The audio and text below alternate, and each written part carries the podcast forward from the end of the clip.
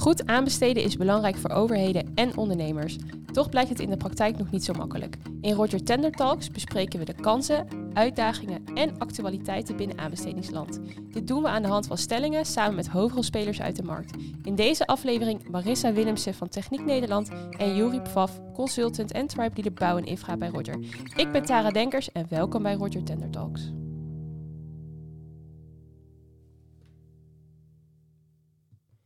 Juri en Marissa, voordat ik jullie aan de luisteraar voorstel, beginnen we met het onderdeel Geen Gemaar. Hierin leg ik vier stellingen voor waarop jullie alleen ja of nee beantwoorden. Later in de podcast komen we dan op deze stellingen terug. Uh, we beginnen bij stelling 1 en dat is duurzaamheid moet een minimale eis worden binnen alle aanbestedingen. Wat zeggen jullie, ja of nee? Ja. Ik zeg uh, nee. Dat wordt leuk uh, straks, denk ik. Um, stelling 2. Geïntegreerde contracten zet het MKB buitenspel. Zeker. Ja, daar ben ik het uh, mee eens. Oké. Okay.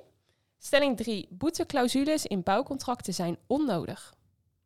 Daar ben ik het helemaal mee eens. Ik uh, niet. Ja. Ah, dat wordt nog een interessante. Dan uh, de laatste stelling. Klagen bij aanbestedingen is nutteloos. Nee, daar ben ik het niet mee eens. Ja, vind ik wel. Oké, nou dan uh, gaan we daar straks verder op in. Ik denk dat het leuk is om jullie eerst even voor te stellen. Ik begin graag bij onze gast van vandaag, Marissa. Marissa, we weten inmiddels dat je werkt uh, bij Techniek Nederland, de ondernemersvereniging van technische dienstverleners, installatiebedrijven en technische detailhandel. Maar zou je graag wat meer over jezelf vertellen? Wie ben je en wat doe je eigenlijk in het dagelijks leven? Zeker, uh, dankjewel. Nou, ja, in het dagelijks leven werk ik dus bij Techniek Nederland. Ik ben daar terechtgekomen nadat ik eerst heb gewerkt uh, bij een uh, aannemer. Ik ben van oorsprong een jurist, of in ieder geval ik heb rechten gestudeerd. En ik vond het aanbestedingsvak op school vond ik interessant. En zo ben ik eigenlijk een beetje ingerold. nadat ik zes jaar bij een aannemer heb gewerkt en geconfronteerd werd met de regels zoals ze waren, zowel met aanbesteden als met bouwcontracten, had ik het idee van, god, er zijn wel dingen die ik graag anders zou willen zien. Uh, toen kwam er een vacature vrij bij Techniek Nederland. Uh, en uh, nou, dat leek me wel wat. Daar op gesprek geweest. En uh, zo ben ik daar terechtgekomen. Bij Techniek Nederland nou heb ik twee onderwerpen: aanbesteden en bouwcontracten. Waar ik het een en het ander vanaf weet. En daar doe ik eigenlijk drie dingen voor onze leden. Een stukje advisering voor onze leden. Uh, op het moment dat zij een vraag hebben over een contract, bijvoorbeeld over een meerwerk of over een oplevering of een vertraging, kunnen ze daarvoor terecht bij Techniek Nederland. Um, een stukje uh, nou ja, voorlichting en cursussen. Hè, wij bieden basiscursus aanbesteden of een verdiepende cursus aanbesteden of ook over bouwrecht, UAV, UAVGC aan.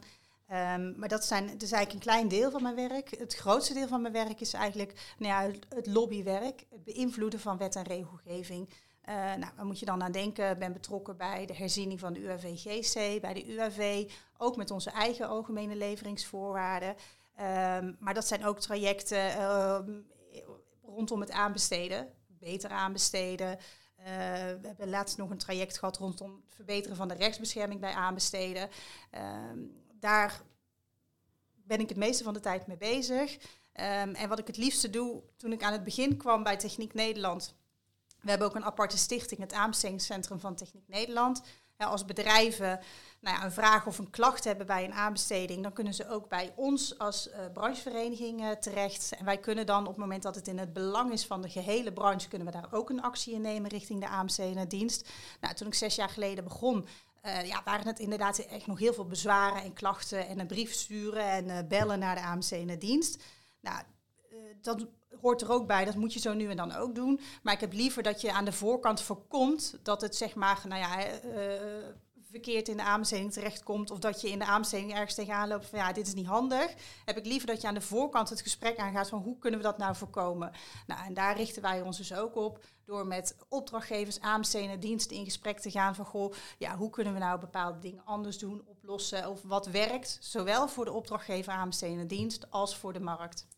Ja, precies. Klinkt heel interessant en dat je heel erg eh, veel bezig bent met aanbesteden. Uh, je noemde het al even kort, maar uh, het Beter Aanbesteden project. Kun je daar misschien iets meer over vertellen? Wat houdt het precies in en wat is jouw rol daarbinnen? Ja, uh, nou, het is een traject vanuit het ministerie van Economische Zaken en voorheen nog Klimaat. Ehm, wat is samen is opgezet. Uh, VNO-NCW, uh, de, de, de, de, vereniging vanuit Nederland, die zich maar, ook met de lobby bezighoudt. Um, samen ook met de VNG is daar ook bij betrokken. Hebben gezegd van nou, we hebben nu nou ja, je hebt de aanbestedingsrichtlijnen, toen kwam natuurlijk de aanbestedingswet, toen kwam nog de herziening, de wijziging van de aanbestedingswet. Um, nou, en dan ben je in een aantal jaar ben je verder. Maar ja, god, er zijn nog steeds dingen waar we eigenlijk tegenaan lopen. Hoe zouden we dat nou kunnen verbeteren? Wat heb je dan nodig? Nou, en uh, toen hebben we, zijn we met elkaar aan tafel gaan zitten. Toen in eerste instantie is er uh, nou, een actieagenda gemaakt van goh, wat zijn nou de dingen? Um, en het is dus, nou ja, uh, het is dus zowel aanbestedende diensten aan tafel als nou ja, vertegenwoordiger van inschrijvers. Van goh, wat zijn nou de acties waarmee we de aanbestedingspraktijk nog kunnen verbeteren? Nou, daar kwamen ongeveer 20, 25 acties uit. Die zijn uitgevoerd. Um, denk inderdaad, hè, er is iets gezegd over een stukje communicatie. Of over inderdaad, als ik als opdrachtgever aanbestedende dienst. Hè, hoe presenteer ik mezelf zodat een inschrijver goed kan inschrijven? Uh, gaat ook over een stukje over uh, nou, algemene voorwaarden. Uh, hè, zorg nou dat je paritaire voorwaarden ook integraal toepast. Nou, zo zijn er een heel aantal acties uitgekomen. maar vervolgens was het zo van, oké, nou, die acties zijn er heeft dit nou ook de aanbestedingspraktijk verbeterd? Nou, ja, want dat was natuurlijk het doel. Ja, precies. Nou, en dan moet dat vervolgens nog in de praktijk gebracht worden. Dus nu is er, uh, vorig jaar hebben ze een doorstart gemaakt met dat traject Beter Aanbesteden. Om te kijken van, nou, we hebben dus deze acties. Nou, hoe zorgen we nou dat we dat dus ook gewoon in de praktijk gaan brengen? Nou, daar komt een stukje voorlichting bij kijken. Um, en daar is inmiddels is daar een programmabureau uh, voor opgezet. Uh, je kan het ook vinden op de website van Piano. Of is het nou Piano? Nou. Ja, dat is ook altijd. Ik heb piano altijd. Ja, ja. piano ja? zeggen wij. Ja. ja, ik ook hè. um, maar daar kun je ook het een en het ander vinden. En uh, nou, de verwachting is, want nou, eind van uh, in de, uh, volgens mij in de laatste week of de ene laatste week van maart is er ook nog een, een, een, weer een week rondom het beter aanbesteden. Hè, dat we er gewoon meer aandacht aan geven uh, van goh, wat is nou dat beter aanbesteden, wat zouden we daarin moeten doen? Kijk, want het is natuurlijk zonde dat iedereen nou ja, zelf het wiel aan het uitvinden is. Hè, want we lopen ja. allemaal wel een beetje tegen dezelfde dingen aan. Ja, ja, dat merken wij bij Roger ook wel. Dat we eigenlijk uh, de twee kanten van de tafel, noemen we het maar even, dat wat dichter bij elkaar uh, brengen. Dus eigenlijk als ik zo even mag samenvatten wat je hebt gezegd, is dat ook waar je met dit project eigenlijk mee bezig bent. Ja, ja, want het is dus inderdaad ook echt een gezamenlijk project waarin dus beide kanten aan tafel zitten. Van goh, nou ja, waar loop jij tegenaan, waar lopen wij tegenaan en hoe kunnen we dat samen oplossen? Een van de acties gaat ook over social return on investment. Ja, uh, opdrachtgever wil iets, uh, opdrachtnemer, inschrijver heeft ermee te maken. Ja, hoe kunnen we dat nou het beste vormgeven? Kijk, en dan kan iedere, iedere gemeente kan dat voor zichzelf gaan uitvogelen. Maar we kunnen ook zeggen van nou, we zetten een paar mensen bij elkaar in een hok. Wat zou nou kunnen werken en wat zou ons advies daarin kunnen zijn? Um, en dat wil je dan ook meegeven of breder uitdragen, ook richting nou ja, andere aanbestedende diensten. Ja, precies. Nou, uh, klinkt heel interessant. Dankjewel voor je introductie. Dan zit er natuurlijk nog iemand aan tafel vandaag, uh, Juri. Juri, zou jij jezelf even willen voorstellen? Ja, zeker. Uh, mijn naam is Juri, consultant bij Roger. wij helpen organisaties bij het maken van de beste deals in aanbestedingsland. En dan doen we dus zowel aan de inschrijvende kant als de inkopende kant. ik richt mij daar voornamelijk op de bouw- en infra klanten, waarbij installatietechniek ook een grote rol speelt. en als tribe leader mag ik me ook bezighouden met het verdelen van het werk, het waarmaken van ambities binnen de tribe en het, het, groeien van die tribe binnen Roger. Hij had dan interesse gehad ook in bouw uh, en techniek. inmiddels wat jaartjes ervaring ook in opgedaan. En zo ben ik ook bij Roger terechtgekomen. Ja, want ik vraag me dan nog wel af, waarom ben je dan nu eigenlijk als consultant aan de slag gegaan? Want als, dat, als je kijkt naar je achtergrond, hè, was het, zat je natuurlijk echt bij één bedrijf. En nu bij Roger zit je bij meerdere bedrijven en echt meer die consultancyrol. Wat trok jou daarin aan om daar naartoe te switchen? Ja, klopt. Dat, uh, voorheen uh, was ik uh, tendermanager bij één bedrijf. Ontzettend leuk, maar in de rol van consultant is het toch een stuk diverser. wat meer dynamiek. je bent iedere dag, zelfs met meerdere klanten en meerdere aanbestedingen in allerlei segmenten bezig. en ook een mooie kans vond ik het om mezelf te ontwikkelen als tendermanager. je kijkt toch in de keuken bij verschillende bedrijven. Ieder heeft zijn eigen manier van aanbesteden. ja, en dat zag ik als een mooie kans om heel veel te leren. En dat is ook wel zo gebleken. Dus een goede keuze geweest. Nou, gelukkig daar ben ik blij om. Ik ben ook blij om je als collega te hebben, dus dat is fijn. Um, dan denk ik dat we nu weten wie hier aan tafel zit. En dan zou ik graag door willen naar de eerste stelling van vandaag. En dat is, uh, duurzaamheid moet een minimale eis worden binnen alle aanbestedingen. We zien natuurlijk steeds vaker dat duurzaamheid wordt uitgevraagd hè, binnen aanbestedingen. Soms als eis en soms weer als kwaliteitscriterium. Maar wat vinden jullie? Moet duurzaamheid een minimale eis worden binnen alle aanbestedingen? Ja, ik vind van wel. En Juri, wat uh, jij... Uh... Ja, ik zei nee. En het is natuurlijk een, een, stelling, dus dan moet je kiezen. Uh, ergens denk ik ook wel ja. maar ik ben heel erg bang dat je daarmee het innovatieve vermogen bij de inschrijvende partijen weghaalt. Door het op te gaan leggen als een eis. en dan ga, ja, aan die eis moet je voldoen. Um, maar meer dan dat hoeft ook niet meer. Ja, dat is zeker wel een risico. En uh, die heb ik inderdaad ook wel, toen ik deze stelling uh, hoorde, dat ik dacht van ja, daar heb je wel een punt. En wat je nu dus ook ziet, hè, want nou ja, duurzaamheid, je ziet dat heel veel overheden, we hebben natuurlijk bepaalde klimaatambities die gehaald moeten worden, wat echt wel een grote uitdaging uh, gaat worden. Um, Um, en overheden die daar ook mee worstelen, die dat aan de ene kant ook wel willen in hun opdrachten. Maar je hebt ook uh, nou ja, opdrachtgevers die denken, nou, het zal allemaal wel, ik moet een stukje duurzaamheid. Ik moet een stukje duurzaamheid hebben. Um, en die denken, nou, uh, weet je wat, ik vraag gewoon bijvoorbeeld de CO2-prestatieladder uit. Kijk, en dan krijg je gewoon van, oké, okay, je kan een vinkje zetten. Ik heb dat Precies. uitgevraagd. We ja. hebben een stukje duurzaamheid in het project zetten. Alleen met alleen vragen om een certificaat ben je er natuurlijk niet. He, dus als je het hebt over, nou, duurzaamheid moet een minimale eis worden in aanbestedingen. Dan zeg ik niet, je moet bij iedere aanbesteding om de CO2-prestatieladder vragen. Want dan mis je echt de boot. He, je moet uh, nadenken, bij iedere aanbesteding denk ik dat er ruimte is om eh, nou ja, verduurzamingsmaatregelen te nemen in de opdracht. En je moet dan niet alleen denken van, goh, ik, hè, als we het hebben van er moet een gebouw komen, hè, het moet duurzaam gebouwd worden hè, eh, met uh, elektrische machines of met uh, circulair materiaal. Nee, als het gebouw er eenmaal staat en het heeft 20 of 50 jaar dat het gebouw er staat, dan moet het ook een duurzaam gebouw zijn. Um, en dat red je niet met alleen een certificaat vragen. Precies. Maar dan ja. moet je echt nadenken over, oké, welke eisen ga ik nou stellen uh, ja, in mijn aanbesteding? Om dus te zorgen van dat je ook daadwerkelijk die stappen in duurzaamheid kan maken. Ja, precies. Want Jury, jij bent natuurlijk dagelijks echt bezig met specifieke aanbestedingen in de bouw ja. en infra. Hoe zie jij dit? Hoe gebeurt dit nu? Zie jij dit al terugkomen wat Marissa nu voorstelt? Of hoe gebeurt dit? Ja, nou, eigenlijk exact. Uh, er zijn partijen die, uh, die eisen dan een bepaald certificaat, ISO-certificaat 14001 of uh, de CO2-prestatieladder. Um, maar daar houden ze het vaak ook bij. en dan zien we dat duurzaamheid als MV-criterium wordt meegenomen. Um, maar dan wel weer vaak maar voor 10 of 20 procent op het totaal. dus ik denk als je echt impact wil maken, twijfel nog steeds of het echt een eis moet maken. Uh, maar maak het in ieder geval zwaar genoeg in je beoordelingscriteria. Uh, om ook echt impact te maken. En die inschrijvende partijen ook echt uit te dagen om uh, ja, duurzame ontwikkelingen mee te nemen. Ja, precies. Want wat Marissa net voorstelde, hè, is dat het gebouw zelf ook duurzaam moet zijn. Dus niet specifiek hoe het gebouwd wordt, maar ook hè, als het eenmaal staat. Dat zie je dus nu eigenlijk nog niet echt heel veel terug in aanbesteding, als ik jou zo... Niet veel. Nee, nee we zien wel eens wat, uh, wat innovatieve uh, diensten die ook wel echt vragen om te kijken naar... het is niet alleen het gebouw zelf, maar ook de levensduur. Uh, total cost of ownership. En ja, duurzaamheid is daar ook uh, aan gekoppeld natuurlijk. Uh, maar dat mag denk ik wel meer. Zeker als we de doelstellingen die we in Nederland hebben en wereldwijd ook willen gaan halen. Ja, zeker. Ja, kijk, je ziet dus ook dat inderdaad aanbestedende diensten, opdrachtgevers, um, nou, die, die, het komt gewoon niet terug in het programma van eisen.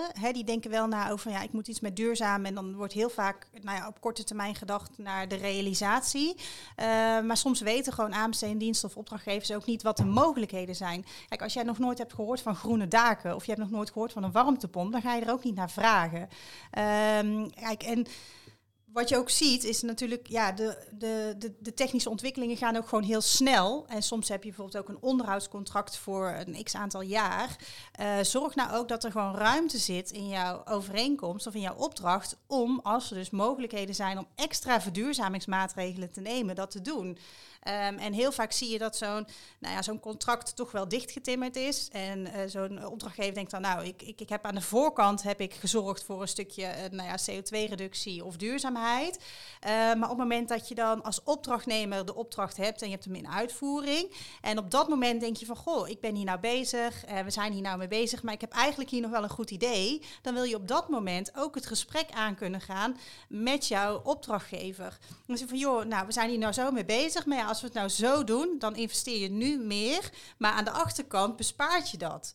Ehm, en heel vaak zien we dat opdrachtgevers dat gesprek, nou ja, dat, dat gesprek niet willen voeren. Of dan toch, ja, nee, budget is dan toch gewoon heel erg lastig. Of dat ze gewoon zeggen, ja, het kan niet, want het zit gewoon niet in de aanbesteding. Kijk, en dan zeg je, wij zeggen dan, joh, dat kan je oplossen door bijvoorbeeld zo'n herzieningsclausule mee te nemen. Hè? Dat je zegt van nou, hè, optioneel eh, is het mogelijk, en dan weten ook alle inschrijvers waar ze aan toe zijn, optioneel is het mogelijk, hè, die moet dan wel heel duidelijk zijn, uh, die herzieningsclausule. Optioneel is het mogelijk dat we extra verduurzamingsmaatregelen nemen ben je als aanbestedingsdienst niet verplicht. Hè? Want als het gewoon te veel geld kost en het geld is er niet, houdt het ook gewoon op. Uh, maar je houdt wel die ruimte. Dat als je denkt van goh, we zijn hier nou mee bezig. En we hebben eigenlijk nou, bepaalde opties om nog extra verduurzamingsmaatregelen te nemen. Dat je dat wel kan doen. Um, en, en, ja, en, dat, dat, ja, en ik vind dat dat dus in iedere aanbesteding zou dat erin moeten zitten. Kijk of dat dan een eis is of niet. Maar ja, iedere aanbesteding zou dat wel in zich moeten hebben. Ja, ik denk dat dat mooi, uh, mooi is. Het blijft natuurlijk altijd lastig, hè? bij wie ligt dan de verantwoordelijkheid? Want je gaf zelf ook al aan dat veel opdrachtgevers waarschijnlijk helemaal niet bewust zijn van wat er eigenlijk überhaupt mogelijk is. Maar jij geeft dus aan van, goh, die verantwoordelijkheid ligt ook wel een deel bij de opdrachtnemer en bij de opdrachtgever. En de opdrachtgever kan dat dus met een herzieningsclausule toch mogelijk maken. Dat ook al zijn, hebben ze de kennis op dit moment niet in huis, bieden ze wel de mogelijkheid, in ieder geval voor die ruimte voor de opdrachtnemer, om dat wel te doen. Ja, met zo'n herzielingsclausule maak je het zeg maar ja, hè, juridisch mogelijk uh, dat je daar het gesprek over kan voeren.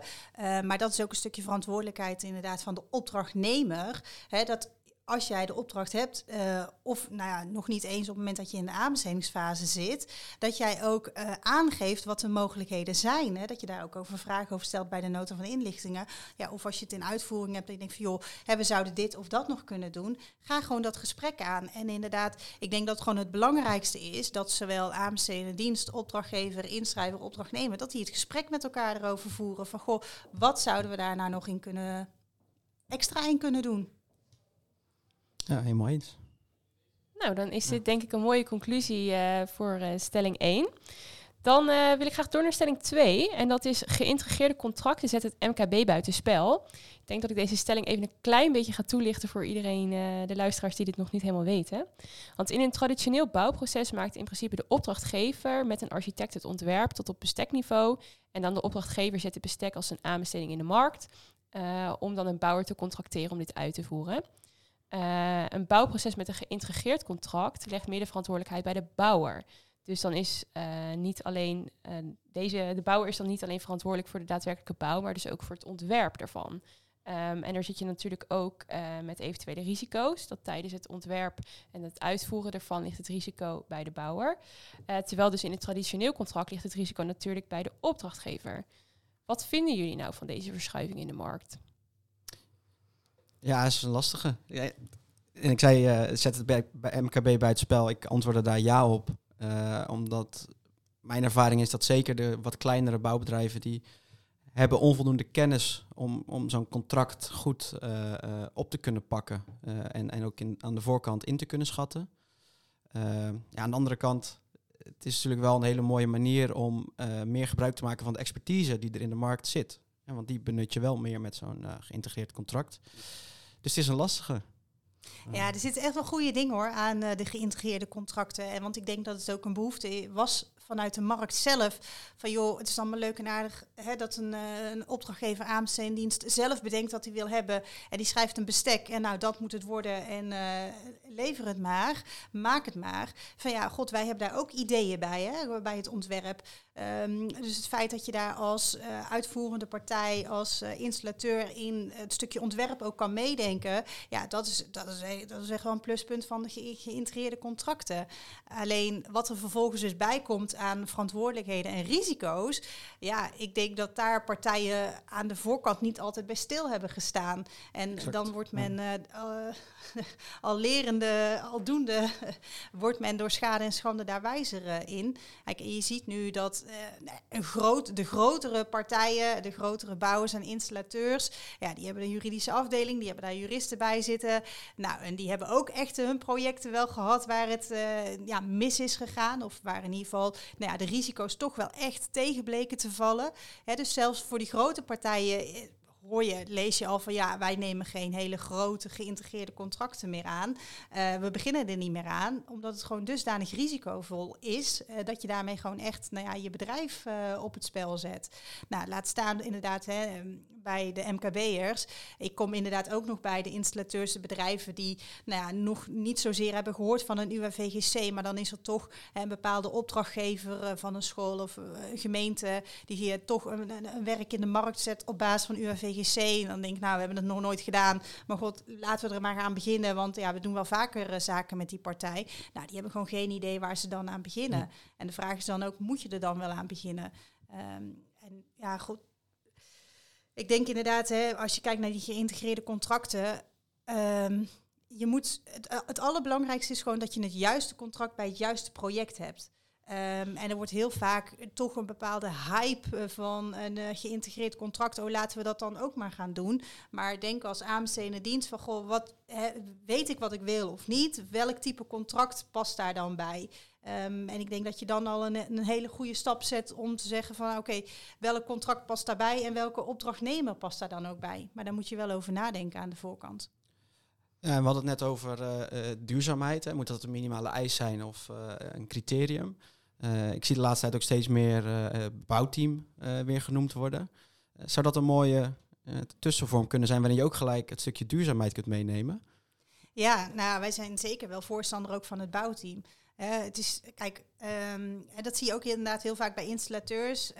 Um, als je een gebouw gaat bouwen, op het moment dat de muren eenmaal staat, ja, dan valt er heel weinig meer te veranderen in wat je met je installaties gaat doen. dus aan de achterkant is dat veel lastiger. Zorg nou dat je aan de voorkant de juiste mensen aan tafel hebt zitten, de mensen die daarbij betrokken zijn. en niet alleen uh, wellicht de hoofdaannemer, maar denk inderdaad ook even, goh, wat zijn de belangrijke partijen voor de realisatie? En een stukje techniek wordt, is gewoon hartstikke belangrijk in de steeds meer Ja. ja. steeds meer.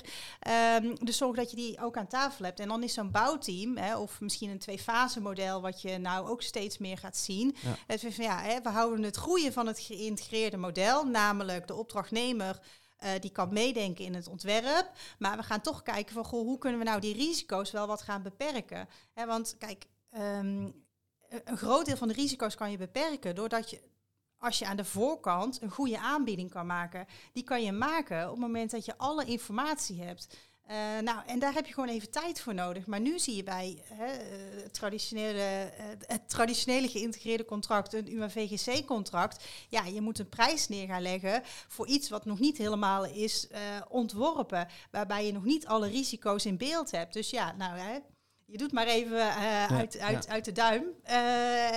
En, en, ja, dan zie je gewoon dat het in de praktijk, ja, hè, dan is het toch altijd net even iets anders dan je had gedacht. Ja, en daar heb je dan zowel als uitvoerende partij als als opdrachtgever heb je daar dan last van. En dan is zo'n uh, nou ja, een bouwteam of een twee-fase model kan dan ja, beter werken uh, voor je project. Ja.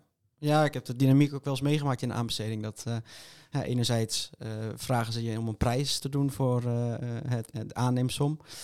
anderzijds hoef je nog geen ontwerp te maken, want dat ga je daarna doen in je opdracht. Maar die twee, ja, zonder ontwerp een prijs maken, dat is toch uh, ja, lastig. En ja, dan ga je dan risico nemen of, of hoe, ja, vlieg je dat aan? Dat is een uh, lastige dynamiek. Ja.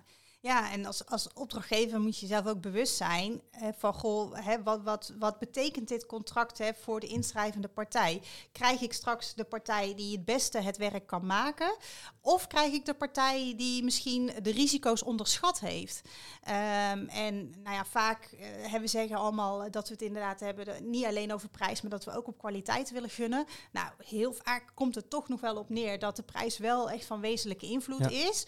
Ja, um, ja, kijk, en heb je een partij die daadwerkelijk zijn risico's aan het afprijzen is, nou, 9 van de 10 keer prijst hij zichzelf uit de markt. En besef jezelf dat je dan dus de partij krijgt die, uh, nou ja, misschien wel onbewust uh, bepaalde risico's neemt. Is dat dan de partij waarvan je wil dat die het werk gaat uitvoeren? Hè, want kijk, op het moment dat jij, uh, nou, je gaat een, uh, een, gebouw neerzetten of je gaat een snelweg of hè, dan wil je op x datum wil je dat het af is. Hè, dan wil je de partij die daadwerkelijk de risico's heeft gezien om te zorgen dat hij ook daadwerkelijk op die datum klaar kan zijn. En niet de partij die denkt, nou, ik, ik ga het maar doen en ik zie wel waar het schip. En vind je dan ook dat een aanbestedende dienst daar een soort verantwoordelijkheid in heeft? Want ik kan me dan ook voorstellen dat um, degene die die risico's niet ziet, hè, die gaat natuurlijk met een veel lagere prijs inschrijven.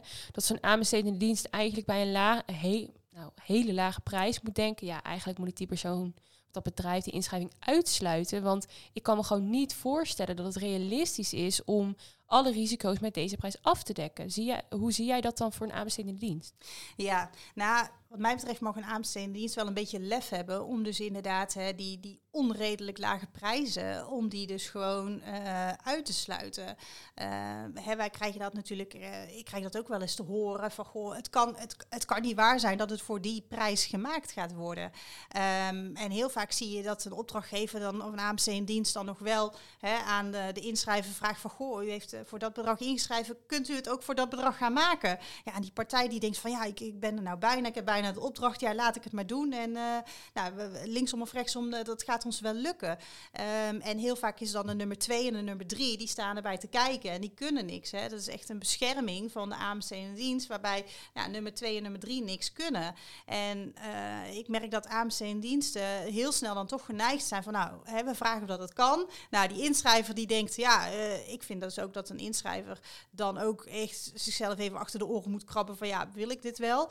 Uh, dus dat is ook beide kanten een verantwoordelijkheid. Maar ja, een AMC in dienst die denkt, nou ja, uh, lekker goedkoop. Hè, want hij kan het wel verkopen als hij onder zijn budget blijft zitten, maar als hij erboven komt, niet. Kijk, en 9 van de 10 keer kom je dan toch tijdens de uitvoering erachter van ja, we komen er toch niet uit met het budget. En dan moet je alsnog hè, dat gesprek gaan voeren over die prijs. En ja, dan kan je beter gewoon aan de voorkant zeggen, dit, dit gaat hem niet worden. Ja, precies. En Juri, als jij uh, als je een rol als consultant, hoe, hoe is jouw rol hierin als je dit ziet gebeuren? Uh, maak je dat wel eens mee? Dat je met een uh, bedrijf zit die heel laag wil inschrijven, of waarvan je eigenlijk al weet dat ze alle risico's misschien niet zien? Of? Nee, ik heb dat op die manier niet meegemaakt. Uh, maar ik kan me wel heel goed voorstellen, hè, wat ik net ook al zei, uh, als je als midden klein bedrijf uh, dat soort trajecten niet, niet met enige regelmaat doet, je hebt geen juridische afdeling, dan ga, je er een soort blind in, op goed vertrouwen van, nou, we hebben altijd mooie dingen gedaan, dus dat lukt ons nu ook. Ja, kan ik me heel goed voorstellen dat je daar ja, de mist in gaat en inderdaad ook denkt van, nou, we gaan het wel zien. Ehm, en ook in zo'n gesprek zegt van, nou, het moet lukken. maar pas later komen alle pijn boven tafel en met alle gevolgen van dien. Ja.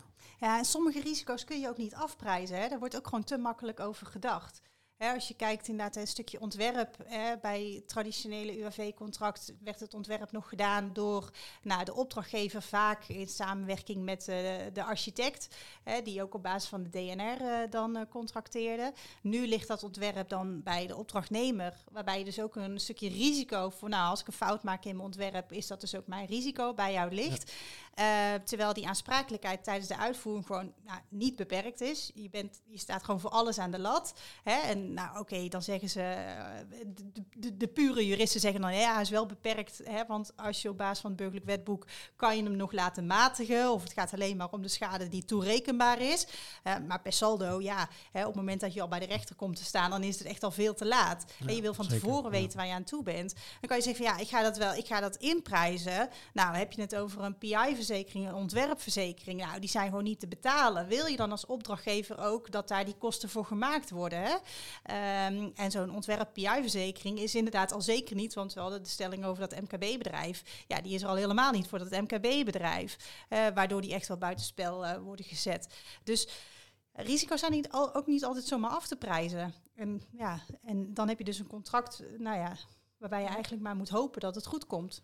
Ja, ik denk dat dat misschien een mooie conclusie is uh, voor deze stelling. Dat het inderdaad uh, gevoelig is en risico's niet altijd uh, zijn af te prijzen. Um, dan wil ik graag door naar de volgende stelling. En dat is boeteclausules in bouwcontracten zijn onnodig. Ik denk dat we allemaal wel eens boeteclausules hè, langs hebben zien komen in aanbestedingen. Wat vinden jullie, onnodig of niet? Ja, ik vind het wel onnodig.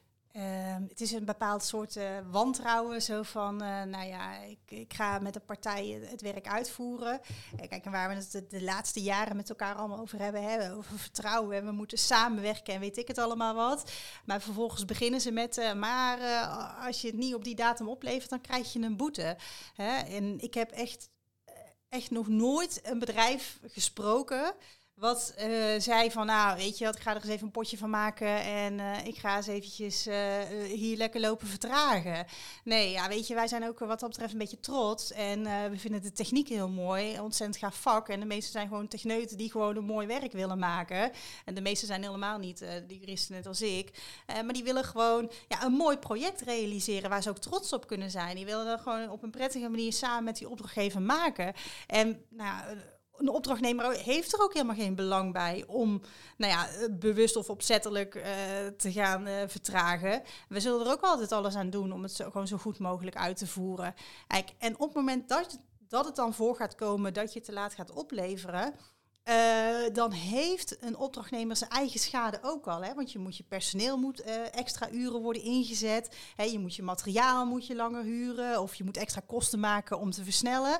Hè? Dus de opdrachtnemer heeft ook zijn eigen schade al. Dus ook zonder een boete zit er nog steeds wel een bepaalde nou ja, hè, uh, druk voor die opdrachtnemer om het werk wel goed uit te voeren. Ja, ik zei natuurlijk nee, wel nodig, omdat ik inderdaad je hebt wel een soort prikkel nodig. Eh, en dat kan de interne prikkel zijn van we krijgen extra kosten. Uh, ik denk dat een boete toch wel, je wil hem niet gebruiken, maar het is wel een goede prikkel en een, goede uh, duw in de rug om op tijd op te leveren. Uh, en je ziet wel dat AMC in de dienst, of eigenlijk de opdrachtgever, wel met flinke extra kosten zit. of gederfde inkomsten als het te laat wordt opgeleverd. Um, ja, en als dat, dat moet toch op een of andere manier gedekt worden. Ja, dat snap, dat snap ik hoor, dat snap ik wel. En daar wil ik zo ook nog wel even iets over zeggen. Maar je zegt van ja, we moeten wel een prikkel hebben. En uh, nou, ik weet niet of je daar wel eens van hebt gehoord, maar je hebt uh, de wortel, uh, de stok en de preken. En die zijn meerdere manieren waarop je het voor elkaar krijgt dat iemand iets doet wat jij wil. Um, en dit is een beetje alleen, we gebruiken alleen de stok. Um, en dat vind ik gewoon altijd, ja, dat is dan niet nodig. Denk ook naar van, goh, hebben we nog iets van een wortel in de, eh, misschien met een bonusregeling uh, werken. Of inderdaad de preek het gesprek erover aangaan van, goh, hoe gaan we dat nou uh, doen? Um, en nou goed, ook over dat gesprek erover aangaan. Kijk, Um, op het moment dat je dus gaat vertragen, dan heb je gewoon allebei een probleem. Opdrachtgever heeft nou, meestal een groot probleem, en opdrachtnemer ook.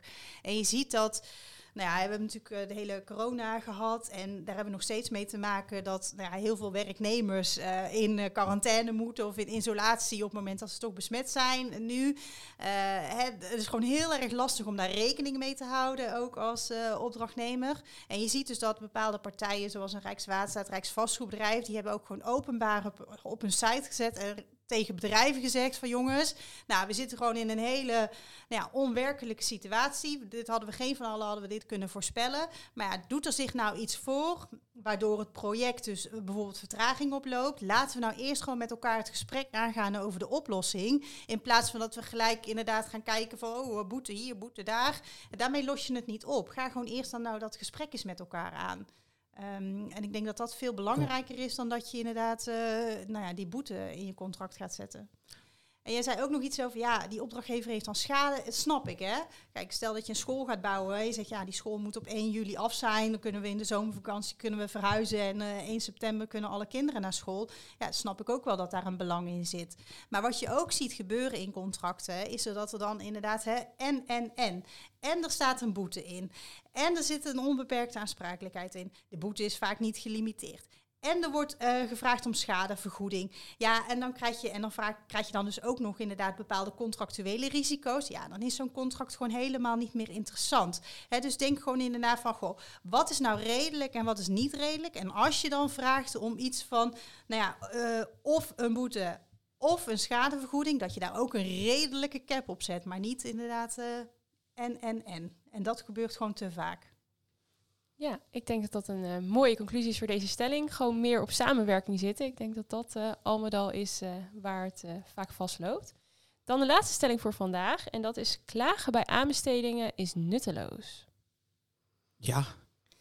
Ja, je bent wel geneigd om daar ja tegen te zeggen natuurlijk. Maar daar zeg ik toch echt nee tegen. Want als we al niet meer gaan klagen op het moment dat er iets misgaat bij een aanbesteding, ja, dan gaan we ook die hele aanbestedingswereld niet meer verbeteren.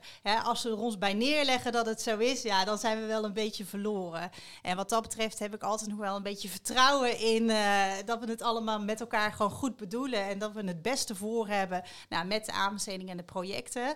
Uh, kijk, je moet natuurlijk niet gaan klagen als je nog geen vragen hebt gesteld. Dus begin nou eens met die vraag te stellen. Ja, zeker weten. Uh, Maar goed, kom je er dan niet doorheen? Nou ja, ik, ik ben altijd, eh, zoals ik in de introductie zei, nou liever niet klagen, liever aan de voorkant oplossen. Uh, maar soms moet het gewoon gebeuren dat je denkt, ja, ik kom er toch niet helemaal uit. We krijgen het toch niet helemaal duidelijk verwoord. Ja, dien dan ook gewoon een klacht in. Misschien helpt het je wel niet bij de specifieke aanbesteding, hè? Want nou, een klacht gaat je al helemaal niet helpen om, zeg maar, nou, 9 van de 10 keer, soms lukt het wel, maar meestal helpt een klacht niet om de opdracht daadwerkelijk te krijgen, maar het draagt er wel aan bij om te werken ook aan die structurele verbetering van het hele aanbesteden. He, dat je voorkomt dat het bij de volgende aanbesteding weer zover uh, komt. Daarom zou ik dat nog wel blijven doen. Ja, ik zei ook ja, omdat ik best wel vaak ook merk dat er een bepaalde angst is voor eh, ja, je werkt toch reputatie bij de, de aanbestedende dienst, jouw, jouw potentiële opdrachtgever. En dan merk ik vaak een terug, enige terughoudendheid ook in het stellen van vragen, dat we niet te lastig willen zijn. Ja. Uh, dat is een, ja, een lastige ja. dynamiek. Ja, dat snap ik. Nou, nou, daar wil ik er wel twee dingen over zeggen. Eén, kijk, op het moment dat je dus bang bent voor die reputatieschade, kun je dus ook anoniem een klacht indienen door dat via inderdaad het aanbestedingscentrum van Techniek Nederland te doen. Maar dat, die is wel makkelijk. Um, maar ik vind dus ook dat je, je moet dat niet als uh, een klacht. Ja, een klacht heeft een hele negatieve lading. Uh, terwijl dat eigenlijk helemaal niet zo negatief moet zijn, vind ik zelf. Uh, het is eigenlijk heel professioneel als je als inschrijven, weet waar je het over hebt en daar het gesprek over aan wil gaan.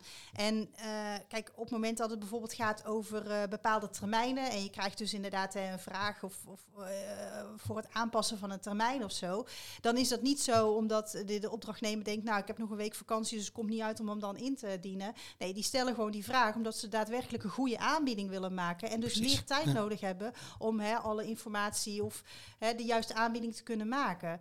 Um, dus ja, ga dan inderdaad ook gewoon een beetje van. Ja, durf daar ook gewoon het gesprek over aan te gaan. En een klacht is ja, ook gewoon een suggestie van joh.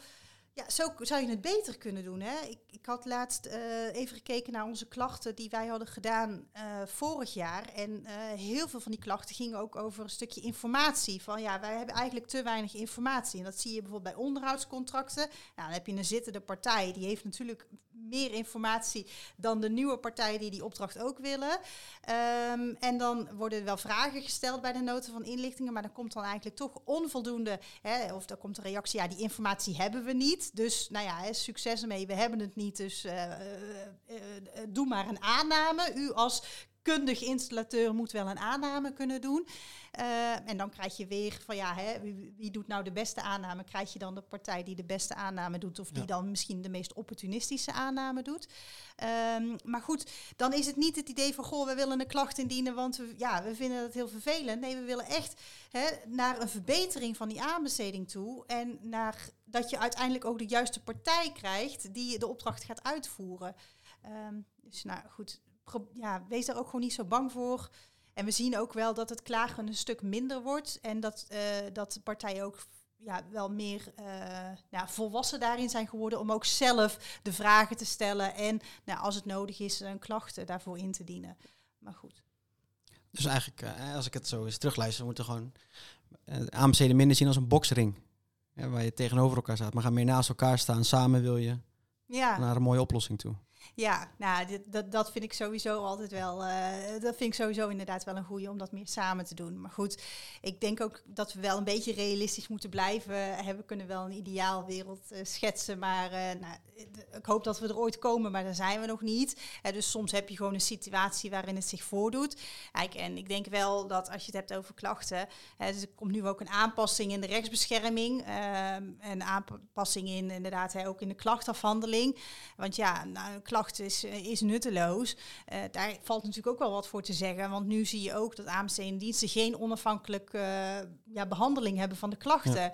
ja, en op het moment dat jij een klacht krijgt over je eigen werk of van, het, van een collega, ja, weet je, wordt die dan ook wel, ja, wordt die dan ook wel eerlijk en uh, gedacht van, god, nou, dan hebben ze eigenlijk best wel een punt. Dat hebben we misschien inderdaad niet zo handig uh, gedaan. Ja, of er dan gelijk van, ja, shit, weet je al, ik heb weer een, uh, ik heb hier weer een klacht op mijn brief en dat is weer lastig en het is weer moeilijk en ja, wat moeten we er nou weer mee? En we lopen tegen die termijnen aan. En, we redden met onze, ja, met onze deadlines niet.